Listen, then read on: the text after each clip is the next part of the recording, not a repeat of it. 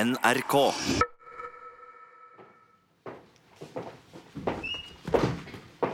Vær så god. Da er retten satt, og forhandlingene fortsetter. Takk. er det Ærede lagmann, ærede lagrette, ærede lagmannsrett. Når det gjelder tiltalte, så legger påtalemyndigheten til grunn at eh, han ville delta i og være med på å bygge den islamske staten og kalifatet. Og dette skulle han gjøre ved å krige for den islamske staten. Samtidig som han ville at hans familie skulle bidra ved å bo og bli en del av den samme staten. Eh, De ble fraktet på morgenen eller formiddagen 5. august i en minibuss til eh, grensen. De løp ut og bar med seg barna til eh, tiltalte og Ruth. Sa han til ham vi måtte springe over der for at det kom tyrkisk militær, eller det var syrisk militær som kom ut etter skulle skyte oss. For at vi var oppe i grensa nå. Og så hadde jeg henne på fanget, så hun sprang hjemme. Og så plutselig så var hun alene. Han satt fast i piggtrådgjerdet, husker jeg. Så husker jeg sprang for å ta han løs, så kom det en annen mann, og så reiv han løs og sprang bare av gårde med han. Ja, inn i, Syria.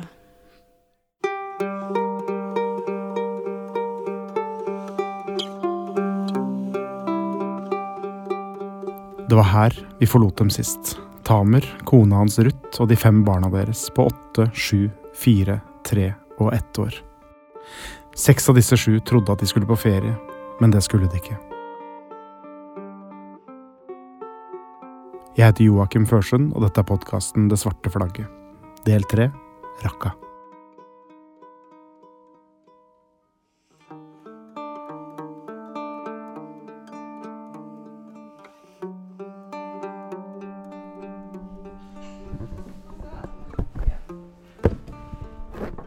Jeg er tilbake i det gule huset ved den svarte fjorden, i Botnhavn på Senja, der Ruth og de fem ungene bor. Og der, på ryggen på gulvet i stua med det ene beinet oppetter veggen, ligger eldstejenta. Hun har skada seg etter en tøff fotballkamp for Botnhavn IL. Hvor på banen spiller du? Back. Back? Ja. Er dere gode? Ja. Andreplass. Oi. Bra. Den eldste dattera til Tamer og Ruth setter seg ned ved siden av mora si på kjøkkenet. Hun er 13 nå, hun var 8 da. Hun smiler, og de brune øynene hennes blir smale under den svarte luggen. Og så forteller hun om de første dagene av sommerferien, da de bodde på hotell med basseng, akkurat som pappa hadde lova. Vi eh, var først på hotellet i Istanbul, hele familien. Og så var vi i bassenget og i byen og shoppa litt og ja. Og så eh, var vi nå ute og spiste, og så ja, kjørte vi taxi. og så kjørte vi liksom til øde Tyrkia, for vi skulle egentlig til et annet hotell. Så ble vi jo kjørt, og så fikk vi vite at Eller de sa at det var en eh, en eh, IS-bil bak oss som skulle angripe oss. Så alle vi måtte springe ut av bilen.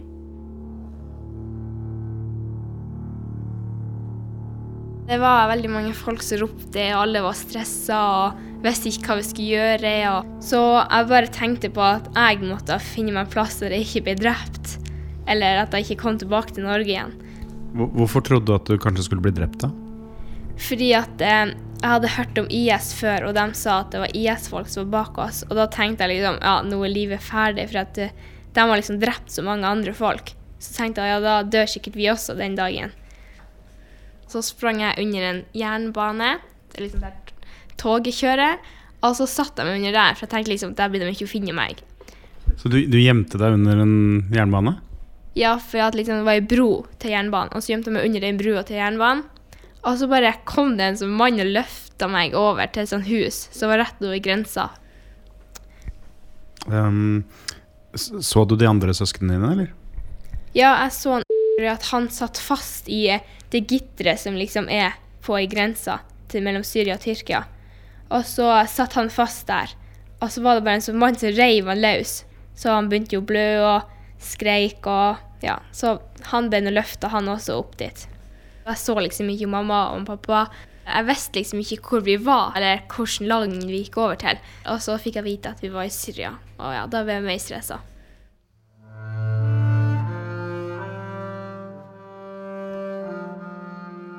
Og så sprang jeg etter, og så skreik og ropte og hylte og spurte hva Tamer holdt på med. Og så da sa han Tamer at nå var vi i Syria, og her skulle vi være.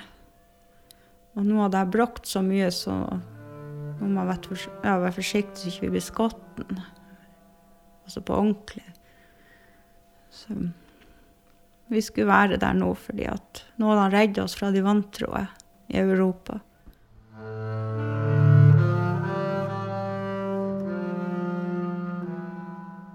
Familien på sju var framme i Syria, akkurat som Tamer hadde planlagt. Rundt dem sto andpustne jihadister fra mange land. Ingen var blitt skutt, verken av tyrkiske eller syriske militære, men det var over 40 grader, og en australier hadde besvimt på grunn av varmen. Et par IS-soldater kom med kaldt vann til ungene, og så måtte Tamer forklare Ruth hva den egentlige planen for sommerferien 2014 var. Etter eh, at vi krysset grensen, så begynte hun å gråte. Hun sa hva er det galskapet du driver med, du har, hvordan kan du ta oss med eh, fra Tyrkia og inn her?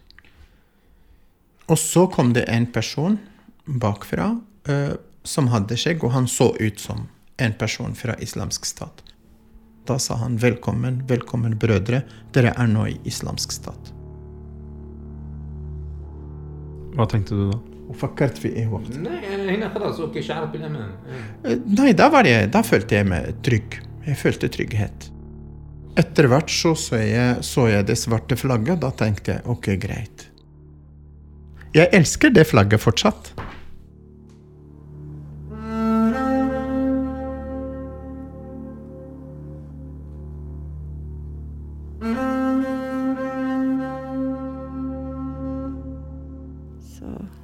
Nei, altså, han ble ønska velkommen og alt. Så. de hilste og klemte og kyssa hverandre på kinnet og prata og Altså, det så ut som de kjente hverandre, men det er jo sånn på islam at de er jo brødre, alle sammen. Var det sånn at Altså, spurte du Tamer da om hva som skulle skje? Ja, jeg spurte han, altså, vi satt oss i bussen, så sier jeg, hva er det du planlegger for noe? Hva er det du holder på med? Så sier han, nei, nå skal vi, um, jeg tror han sa Raqqa, og der skal vi få hus, og IS skal forsørge oss gratis, og mamma skal komme dit, og du og ungene skal bo der. Alt skal dere få gratis, klær, hus, mat. Mens jeg er ute i krigen, kriger for landet. Han sa han skulle krige for landet? Ja, han skulle krige for landet og mot presidenten. Altså, han ville ha mer sånn islamsk system, sånn som du snakka om i sted. Kal kalifat, eller hva det kaltes.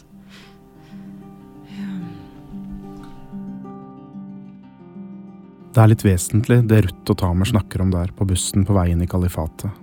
Hva var det Tamer helt konkret hadde planer om å drive med i Syria?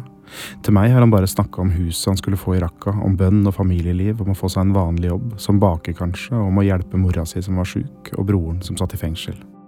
Men så sier Ruth at han skulle i krigen. Skulle han det? Og sa han det der, på grensa? I så tilfelle er forbrytelsen Tamer er i ferd med å begå, mye mer alvorlig. For da har han ikke bare meldt seg inn i den islamske staten, da har han verva seg til terror også. Eh, Ruth har fortalt meg at du på dette tidspunktet sa at du var kommet til Syria for å gå i krigen mot Assad. Nei, også det hadde jeg ikke tanken i det hele tatt. For meg, hvis jeg hadde kunnet få sjansen til å kjempe mot Bashar al-Assad, er en stor ære. Men for det første så har jeg en kone, jeg har fem barn, jeg har uh, moren min. Det var overhodet ikke planlagt at jeg skulle gå og kjempe.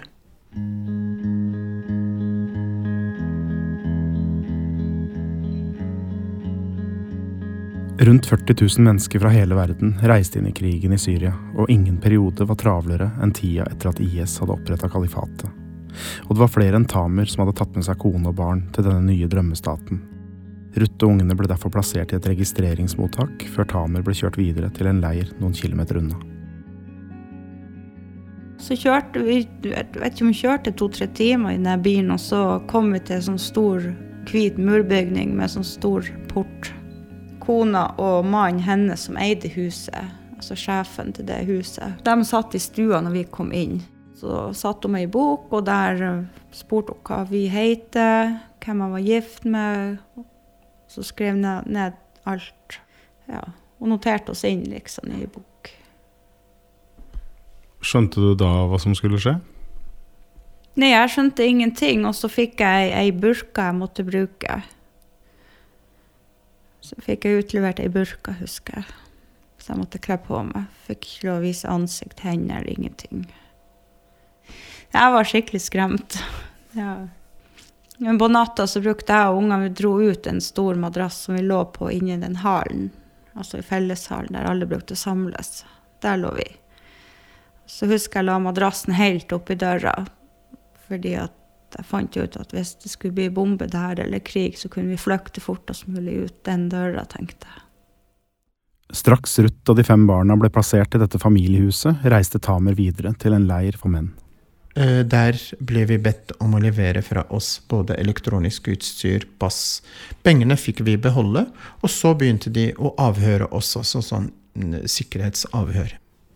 Men på det stedet var det veldig mange mennesker, jeg tror det var ca. 200 personer. Fra hele verden? Alt, alt. Altså hele fra jordkloden, Amerika, Amerika, alt. Men jeg så ikke noen nordmenn der. Andre skandinaver? Eller svensker.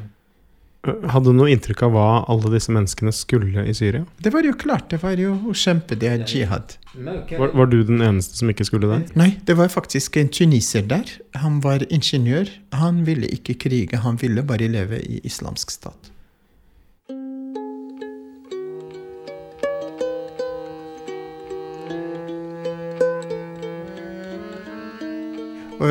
Om natta så hører du folk som ber hele natta og ikke sover. Folk som gråter av å lese Koranen, f.eks. Om natta. På kvelden, f.eks. når vi ba kveldsbønn, så vi ba sammen, og så satte vi oss ute. Det var jo i det frie, friluft, på en måte. Det var et fint liv. For meg så var de 21 dagene de beste dagene i mitt liv.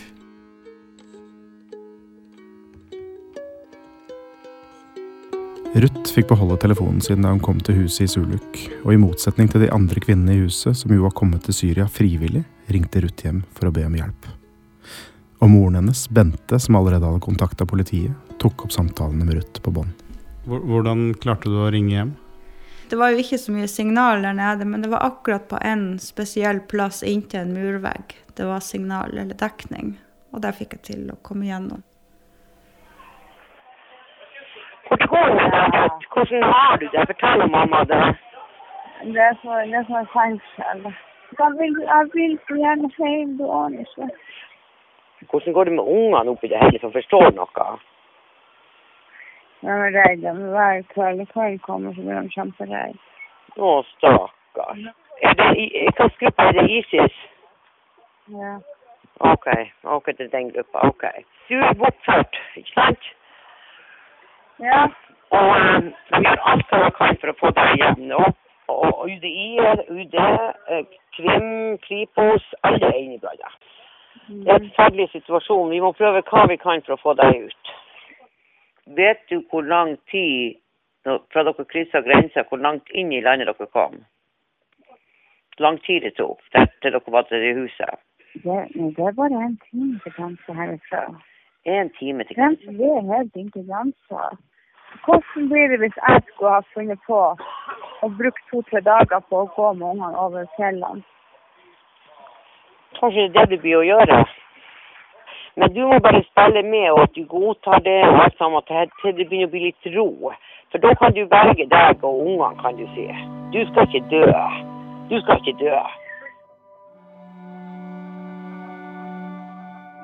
Ruth og Tamer måtte bli på hvert sitt sted i to uker, men så, omsider, reiste de videre innover i kalifatet. Så kom det jo masse store busser, og da sa de at alle som skal være her, skal flyttes nå til Raqqa. Eh, Det var vel eh, ved midt, altså rett eh, i begynnelsen av ettermiddagen. Det var veldig fint, det var sol, akkurat som det er nå. Jeg så at det var folk som, eh, som badet, biler som sto parkert langs elven. Men samtidig så ser du at det, er, det har vært krig. Du lukter krig. Alle husene var brente, ødelagte. Panservognene som var totalt ødelagte, brente. La meg helt kort beskrive det rakka som Tamer og Ruth kjørte inn i den 19. august 2014. Altså ikke det de så utafor bilvinduene sine, men det vi så på nyhetene her hjemme. Det var harde kamper på flyplassen utafor byen. Og akkurat denne solfylte dagen, den 19. august, i Raqqa, begynte IS å videooverføre halshogging av utenlandske journalister og hjelpearbeidere. Statsledere over hele verden uttalte at de ville knuse den islamske staten, og nå flytta en familie på sju fra Bottenhavn på Senja inn i denne statens hjerte.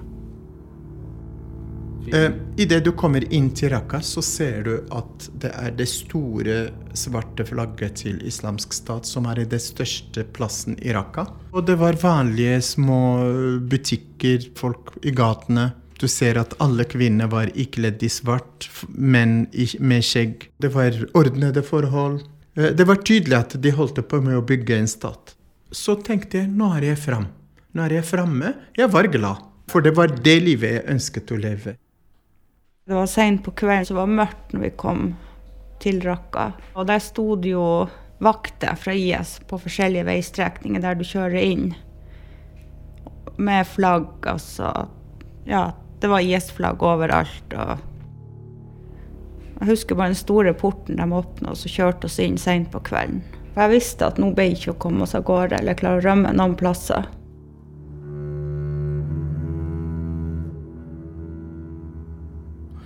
Ruth, Tamer og de fem barna ankommer nå målet for reisen, kalifatets hovedstad Raqqa. Men de får ikke huset de har blitt lova. Tamer sendes til det han selv har forklart er en sharia-skole, altså en innføring i lover og regler i denne nyoppretta islamske staten, mens Ruth og barna flytter inn i et nytt hus for kvinner og barn nede ved elva.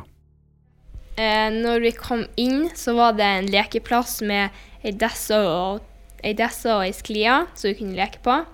Og så var det gjerde rundt hele eh, byplassen, eller plassen vi var på.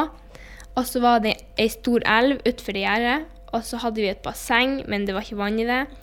Og så hadde vi et stort hus der vi hadde to etasjer, og det sov noen folk nede og noen folk oppe. Uh, virka det som eh, mamma var lei seg, eller? Ja, det virka som hun var lei seg, fordi hun tenkte veldig mange ganger på hvilken måte vi skulle rømme. For vi hadde liksom tenkt å rømme, for det gikk ikke an å rømme over elva. Men det hadde vært litt vanskelig. Snakka dere om det? Ja, vi snakka om det å rømme over elva. Ja. Vi tenkte i hvert fall at vi kunne, for det var liksom gjerde oppe i lufta også, så liksom, det var liksom bura inn helt. Men det var litt hold der, så man kunne liksom krype ut der. Så vi tenkte liksom at vi kunne gå ut det og så gå over elva. Men det var liksom kanskje dyp eller noe, det vet ikke vi.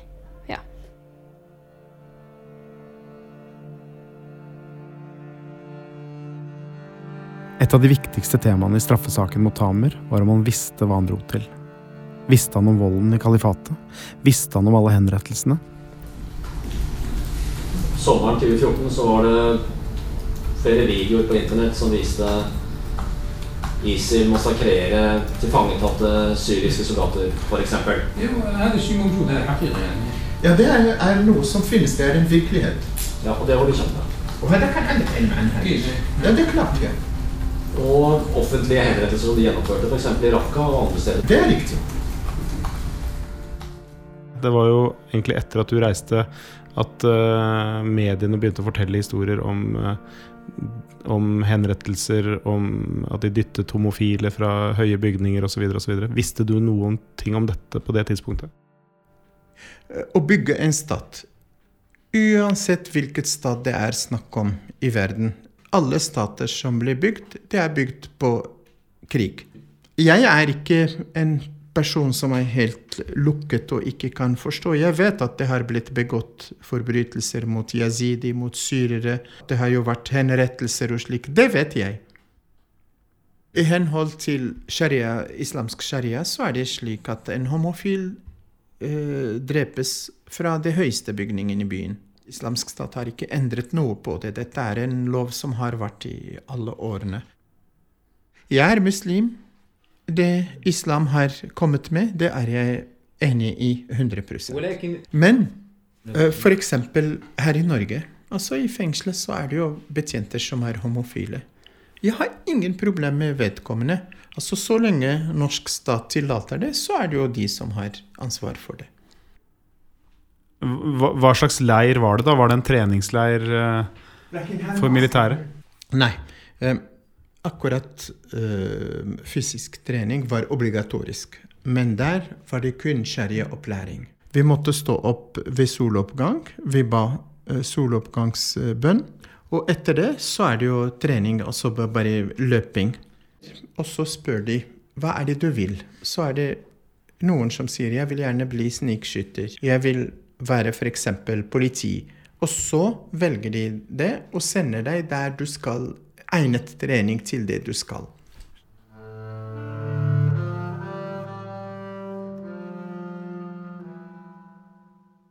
Jeg så et tilfelle foran øynene mine. Det var to barn. Han ene var 14 år, og andre var 12 år. De er syrere, men faren deres bodde i Saudi-Arabia. Han sendte dem for at de skulle tilslutte seg islamsk stat. Eh, Han eh, eldste av de to guttene sa jeg vil delta i martyr, eh, en martyroperasjon. Bilbombe, eller at han, har på, altså at han kjører den, f.eks. og sånt. Men lillebroren begynte å gråte og sa jeg vil være sammen med broren min. At han også vil delta i en martyroperasjon. Men Islamsk stat sa til lille gutten nei, du kan ikke bli med, for du er for liten. Så, så 14 år var greit, men 12 var ikke greit? Ja. Hva, tenk, hva tenkte du da, da du så disse to brødrene? Eh, Vi var i en situasjon hvor vi var kanskje 400-500 personer til stede. Alle begynte å gråte. Eh, Det var et lite barn som ville ofre sitt eget liv, mens menn står bare og så på. Hva skjedde med de to guttene? وحصل ايه مع الاثنين هدول ال- واحد راح اللي هذاك 14 سنه اخذوه والثاني تركوه Um, han ene dro, han på 14 år dro, de tok med seg, men han andre ble igjen. Huset ved elva er fullt av kvinner og barn fra hele verden. De sanitære forholdene er dårlige, og de får begrensa med mat. Mange barn begynner å bli sjuke, Ruth og Tamer sine også. De har fått utslett og hoste og problemer med magen, og den sjukeste av dem er den ett år gamle jenta. Vi fikk ikke i henne vann eller mat, og alt kasta hun bare opp. Så eh, hun hadde spydd ut klærne sine og alt, så hun lå i ei bleie på madrassen. Og så ble hun helt borte vekk, og så prøvde jeg å dytte henne litt i ansiktet.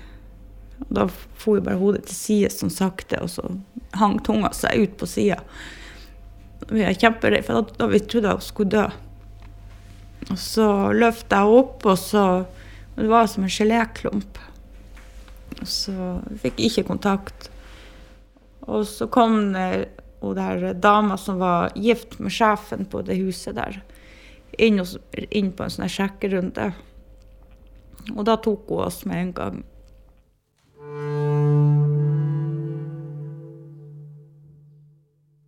Da den islamske staten tok kontroll over Raqqa, overtok de sykehusene også, og sammen med de to yngste barna sine, gutten på tre og jenta på ett, blir Ruth kjørt til det nærmeste sykehuset for å prøve å redde livet til yngstejenta.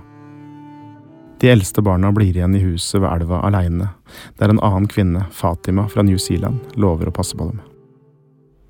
Og da husker jeg når vi kom inn, mot ropte legen til IS-folkene haram, haram, haram.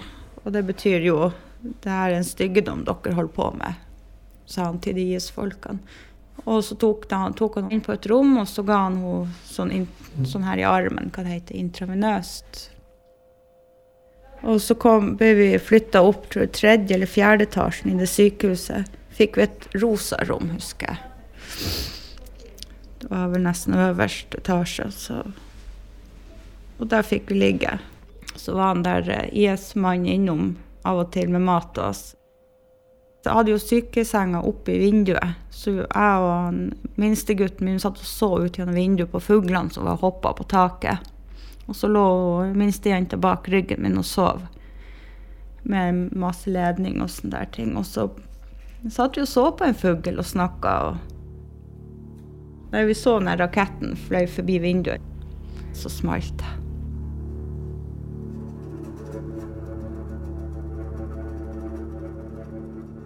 Sprang jeg først ut i gangen, da var vinduene blåst inn. Det var masse sand, det var røyk, det var Så jeg trodde først sykehuset var truffet, og så sprang jeg inn. Så tok jeg minstegutten i armen, og så røska av henne alle ledningene. Pakka henne i pleddet, og så, og så sprang vi ned alle trappene. Og så sprang vi ut hovedinngangen. Og så var det noen som ropte 'Tiera, Tiera'. Hva betyr det? Det betyr eh, fly. Og, eh, og så så jeg jagerflyene begynte å gå mot andre sida av elva, det hus, mot det huset der de andre ungene mine var. Og så skjøt de den veien. Og så ble jeg, jeg ble først lamma, jeg ble bare stående der ute. Jeg så folk begynte å springe og gjemme seg. Det var full panikk og kaos. Jeg vet ikke hva som skjedde, men det var akkurat som at jeg visste at nå skal jeg dø. Og så spurte han eh, minstegutten og kikket opp på meg og sa mamma, skjer det nå? Dør vi nå? Så sa jeg ja, nå blir vi jo døde, sa jeg.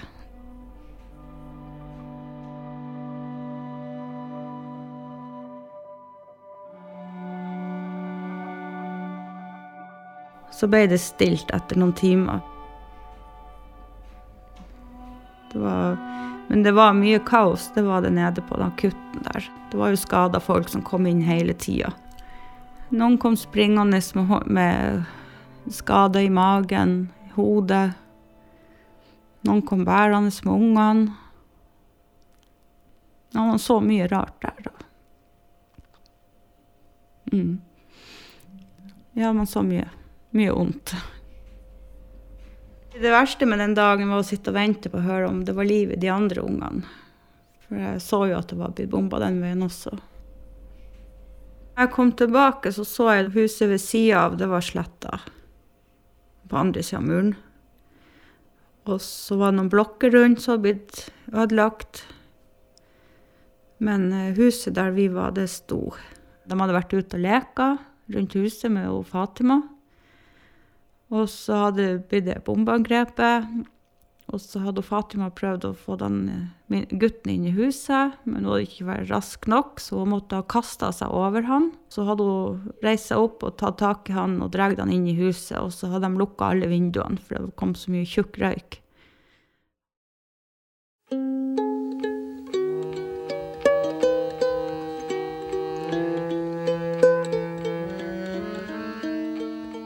Tamer blir etter hvert rastløs i den nye leiren sin. Han er bekymra for moren som er drevet på flukt, og for lillebroren som er arrestert.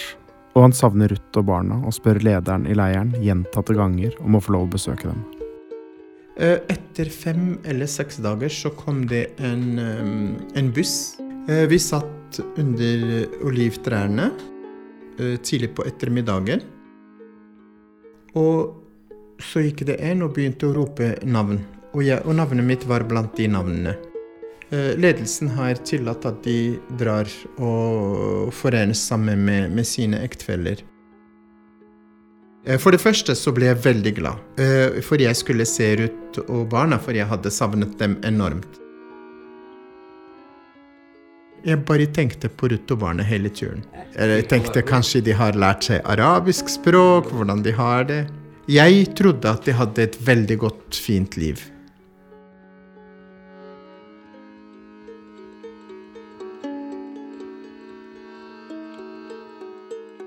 Så kom min eldste datter og min eldste sønn. Eh, Sønnen min, jeg kunne se tydelig at han hadde gått drastisk ned i vekt. Eh, Jeg kunne se at de har sultet. Jeg spurte dem hva er det som skjer med deg, hvorfor er dere sånn? Så sa de nei, det er ikke noe mat, det er ikke Vi er slitne. Og da begynte jeg å gråte. Jeg gikk inn sammen med, med, med sønnen min og dattera mi, og så gikk jeg inn, og da så jeg Ruth, hun satt inne. Eh, Da jeg så henne, så bærte hun min lille datter, og Ruth gråt. Og da begynte jeg også å gråte. Jeg ga henne en klem. Jeg sa til henne, jeg ber, deg om tilgivelse. Og jeg sa til dem, nå har jeg bestemt meg, jeg skal ta dere ut herfra.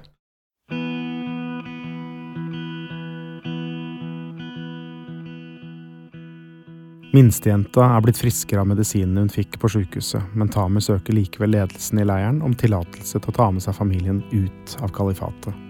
Fordi han er mann og familiens overhode, innvilges søknaden rutinemessig. Tamer henter pass og utreisepapirer, og snart har IS ordna en bil og en sjåfør. Fikk du inntrykk av at eh, det var fare knytta til å reise ut av Syria også? Ja, han sa jo at det var farlig. For det var andre opprørsgrupper som var ute etter IS igjen da. Så at vi kunne bli tatt på veien, og det kunne skje ting på veien. Så jeg husker skiltet gikk mot Aleppo, og så svinga vi opp med fjellene mot grensa til Tyrkia. Og så ble det kveld og mørkt. Vi var sultne, og vi hadde ikke noe mat. Og jeg husker vi satt under noe sånn palmetre, eller hva det var for noe. Og det begynte å bli kaldt. Og så ungene sovna på fangene våre. Vi satt under et uh, oliventre, både jeg, Ruth og barna. De fleste barna sov. Og det var veldig fin utsikt. Du kunne se lys borte i Tyrkia. Ruth var redd og spurte hva er det som skjer. Så sa jeg du trenger ikke å bekymre deg, alt skal gå bra. Det var en rar følelse, for det var en blandet med redsel, uh, glede, anger. Vurderte du å bli igjen sjøl og bare sende familien hjem? Nei, det var umulig for meg å tenke sånn. Uh, altså, Grunnen til at jeg dro dit, det var pga. barna mine. Jeg hadde tenkt at barna mine skulle lære seg arabisk, lære seg om islam. Jeg hadde ikke noen tanker i det hele tatt om at ok, jeg lar dem reise, og så blir jeg igjen. Vi så grensepolitiet på andre sida. Der kom med sånne store, store lyskastere og lyste flere ganger over gresset. Som jeg forsto, så hadde de en IS-soldat midt i den marka vi skulle springe gjennom, som lå i gresset og ga signal. Og så var det en som var på grensa på Tyrkia, som ga signal. En militærmann der som skulle hjelpe til. Og til slutt så fikk vi beskjed at nå, nå er de borte, nå kan de ikke komme. Og så jeg husker vi fikk beskjed om å springe.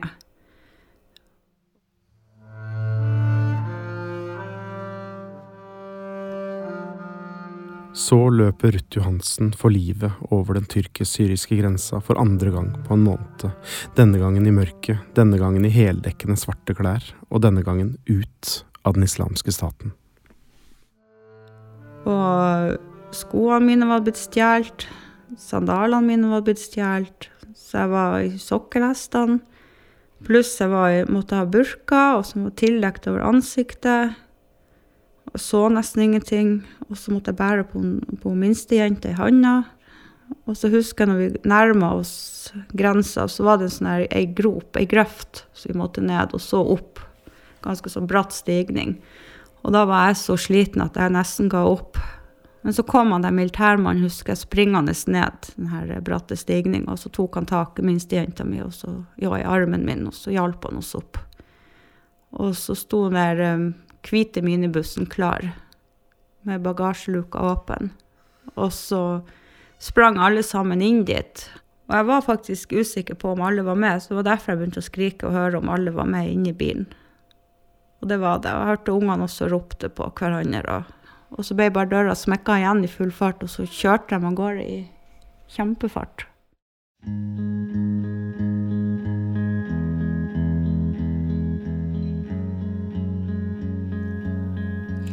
Men det var, når vi først satt på flyet til Istanbul, det var da vi snakka ordentlig. Hva snakka dere om da, da?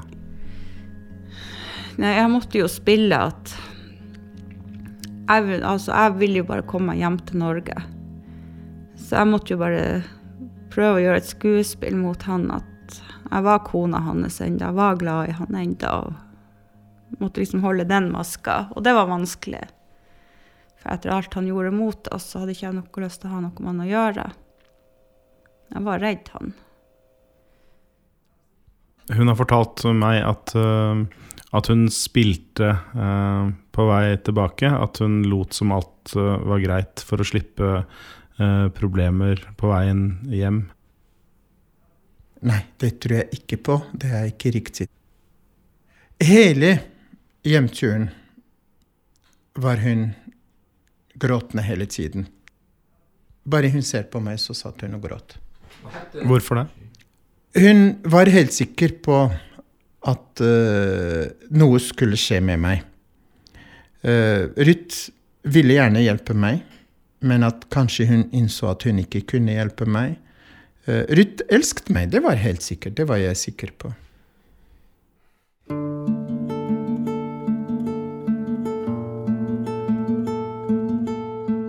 Er du kommet? Ja. Kan du òg? Han tar med, og tar med til å gå og melde seg på politistasjonen. Så jeg og ungene, vi, vi tar flytoget nå. Å, herregud, jeg er så glad. Vet du, jeg er så glad. Herregud i himmelen også. Nå kommer jeg alle ungene. Det er gledens dag, fru mamma. Vet du, det er gledens dag. Ja. Ja. Ja, å, hvor godt. Ringer deg når jeg Jeg har ikke telefon, som sagt. Man tar med og gå av i, i, byen og melde seg. Så Stopp, Men jeg ringer deg når jeg kommer på T-banen. Ha det. Ha det. Vi snakkes snart. Ha det. Ha det. Ha det. Kom vi til Gardermoen, så var han faktisk innom taxfree og handla litt, og så gikk vi ned. Hva er det han handla på taxfree-en? Jeg tror det var noe godteri eller noe sånt. Det var, var innom og handla til ungene. Og så var det å Så skulle han melde seg til politiet, og så ringte han til Grønland.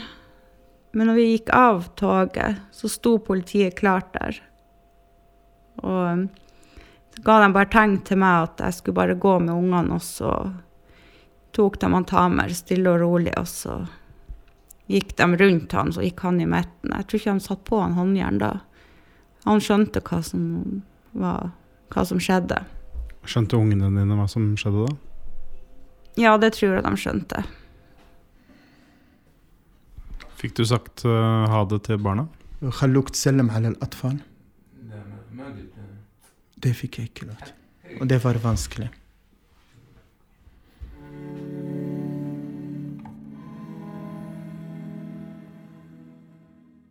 Vi kom hjem hit til Botnhavn igjen, så sto det mange folk med flagg og feira at vi var kommet tilbake igjen, og pakka og mat og ja, så hadde de bakt brød til oss og ja. Ble du glad? Ja, jeg ble veldig glad for å se folkene igjen og vennene mine igjen og ja. Ble veldig glad.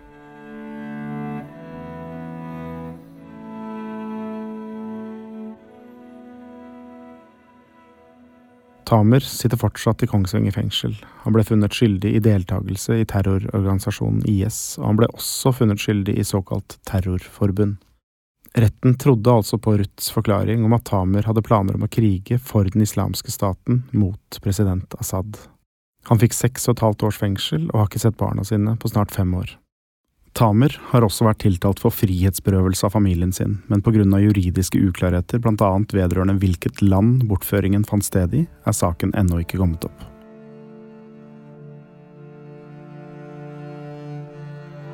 En av de viktigste grunnene til at Tamer reiste fra Senja til Syria, var beskjeden om at lillebroren hans, Ahmed, var blitt arrestert for å ha kritisert president Assad.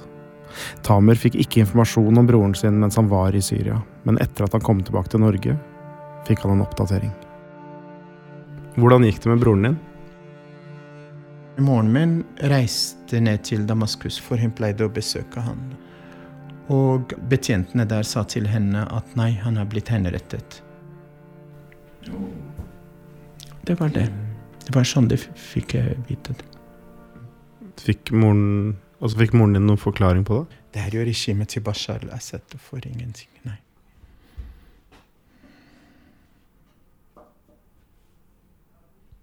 Gjennom eh, rettssaken eh, så, så sa du at du fremdeles eh, støtta IS, stemmer ikke det? Ja, det gjør jeg per i dag. Hvorfor det? Det er fordi at jeg har tro på at islam er den beste loven i, i, denne jorden. Og per i dag så ønsker jeg gjerne en islamsk stat i Syria og i områdene der. Det betyr, det betyr ikke at hvis du er, har en ideologi eller en tro som er stikk i strid med, med min sharia, så at jeg må kjempe mot deg, eller at jeg må krige mot deg, eller drepe deg.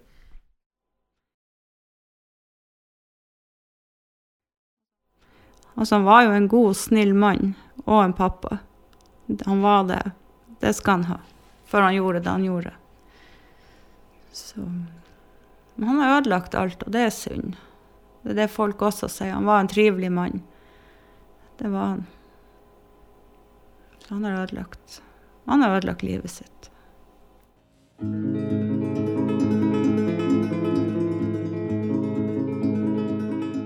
Dette var del tre av podkasten Det svarte flagget. Den fjerde handler om en mann fra Fredrikstad som så en dokumentarfilm på TV om lidelsene i Syria. Så pakka han sekken sin og dro inn i den islamske staten. Det svarte flagget er produsert av Monster for NRK. Den er laga av Sigurd Øygarden Fleten og meg, Joakim Førsund. Musikken er komponert av Klogs og Steinar Aknes, og episoden er miksa av Hans Kristen Hyrve. Tolk både i fengselet og i Borgarting lagmannsrett var Yasin Saem. Redaktør i NRK er Anne Kvadsheim. Alle episodene av Det svarte flagget ble gjort tilgjengelig i appen NRK Radio.